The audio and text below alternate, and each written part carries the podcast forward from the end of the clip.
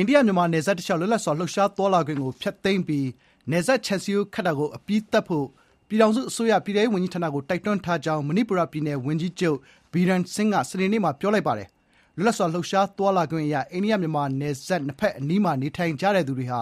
စာရွက်စာတမ်းမပါဘဲ နှစ်ဘက်နယ်စပ်ကို ၁၀ မိုင်နီးပါးအထိ ဝင်ထွက်သွားလာခွင့် ပြုထားတာပါ။လုံခြုံရေးတပ်ဖွဲ့ဝင်တွေက နယ်စပ်ကို စနစ်တကျစောင့်ကြပ်ချထားရမယ့်အစား နယ်စပ်မျဉ်းသုညအမှတ်မှာ တပ်ဖြန့်ထားရမယ့်အစား အိန္ဒိယပိုင်နက်ထဲ၈မိုင်၉မိုင်လောက်အတွင်းထဲကျမှနယ်ခြားအစောင့်ချထားတာကိုတွေ့ရတယ်လို့မဏိပူဝန်ကြီးချုပ်ကပြောပါတယ်။တရားမဝင်ရွှေ့ပြောင်းနေထိုင်သူတွေဝင်လာမှုကိုအစိုးရအနေနဲ့ဆက်လက်ကိုင်တွယ်ဖြေရှင်းသွားမှာဖြစ်ပြီးအိန္ဒိယမြန်မာနယ်စပ်ကိုပြည့်ပြည့်စုံအောင်ကာရံထားဖို့လိုအပ်ကြောင်းသတင်းတောက်တွေကိုမဏိပူဝန်ကြီးချုပ်ကပြောကြောင်းအိန္ဒိယကလာတဲ့သတင်းတွေမှာရေးသားကြပါတယ်။မကြသေးမီကဖြစ်ခဲ့တဲ့မဏိပူပြည်နယ်အတွင်းလူမျိုးရေးပဋိပက္ခတွေနောက်ကွယ်မှာမြန်မာနိုင်ငံကတရားမဝင်ရွှေ့ပြောင်းနေထိုင်သူတွေပါဝင်တယ်ဆိုပြီးဆွဆွဲမှုတွေဖြစ်ပေါ်နေတာပါ။ အိန္ဒိယရဲ့ မဏိပူရပြည်နယ်ဟာ မြန်မာနိုင်ငံနဲ့242မိုင် နယ်နိမိတ်ချင်း ထိစပ်နေပါတယ်။လေးလကျော်ကြာ ခိုက်ရန်ဖြစ်ပွားမှုတွေရဲ့ အကြောင်းရင်းတွေထဲမှာ